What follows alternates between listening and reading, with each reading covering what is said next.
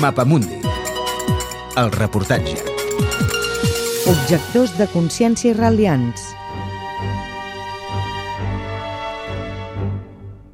Els israelians saben absolutament tot el que passa als territoris ocupats. Ho escolten tot.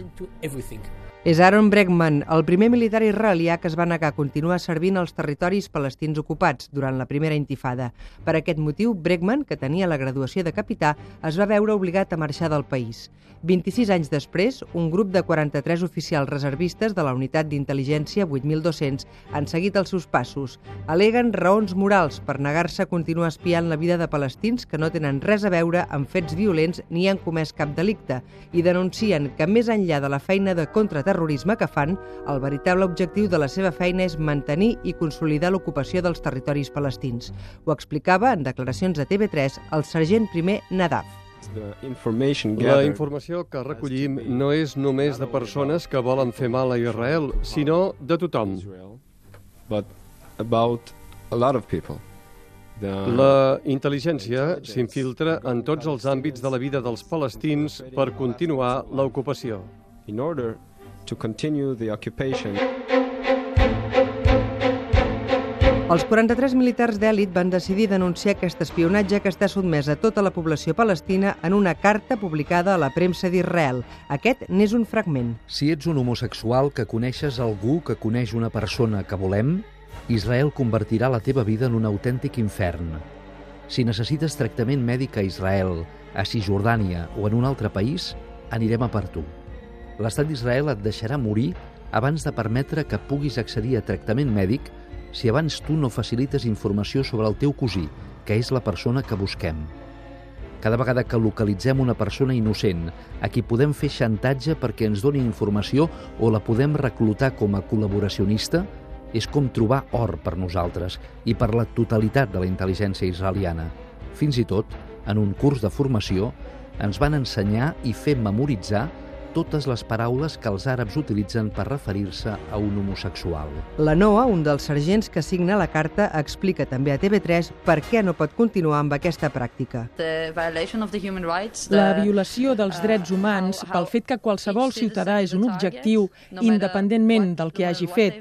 Jo mateixa seria un objectiu si estigués allà. La idea és que això és el que cal fer per mantenir l'ocupació. This is, this is something that you have to do in order to keep the occupation. L'opinió pública i la premsa israeliana han acusat els signants de la carta de ser uns traïdors, covards, nens mimats i de fer calúmnies infundades. El sergent primer Nadaf està decebut per la falta d'empatia que té la societat israeliana amb el patiment de víctimes innocents palestines. El 2003, la gent va quedar colpida quan 14 palestins innocents van morir en l'atac contra el cap de Hamas, Salah Hader. Però en la recent guerra a Gaza han mort centenars de persones innocents i la gent li és igual. About killing of hundreds of innocent people. Els signants de la carta afirmen que han fet aquest pas perquè estimen el seu país. The thing we're worried about the most is how... El que més ens preocupa és com ho acceptarà la societat israeliana, com ho acceptaran els amics de la nostra unitat.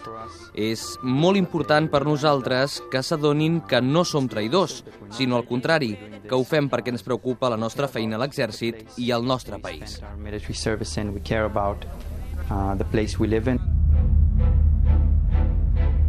El 2002, 29 pilots militars es van negar a continuar volant sobre la franja de Gaza i ara s'hi sumen aquests 43 oficials, però es tracta d'un fenomen molt minoritari perquè negar-se a servir a l'exèrcit és un pas molt difícil de fer.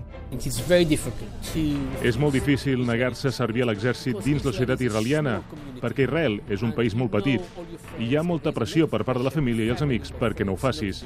Per tant, ho fa molt poca gent i no serà mai un fenomen comú. És molt difícil girar l'esquena a la teva pròpia gent. Quan jo vaig fer, l'any 88, la meva família i els amics es van enfadar molt. Et porta l'aïllament. La teva decisió t'aïlla de la teva gent, la teva societat, i crec que molt poca gent ho farà en un futur. És un reportatge de Mireia Sala, muntatge musical de Jordi Galbany.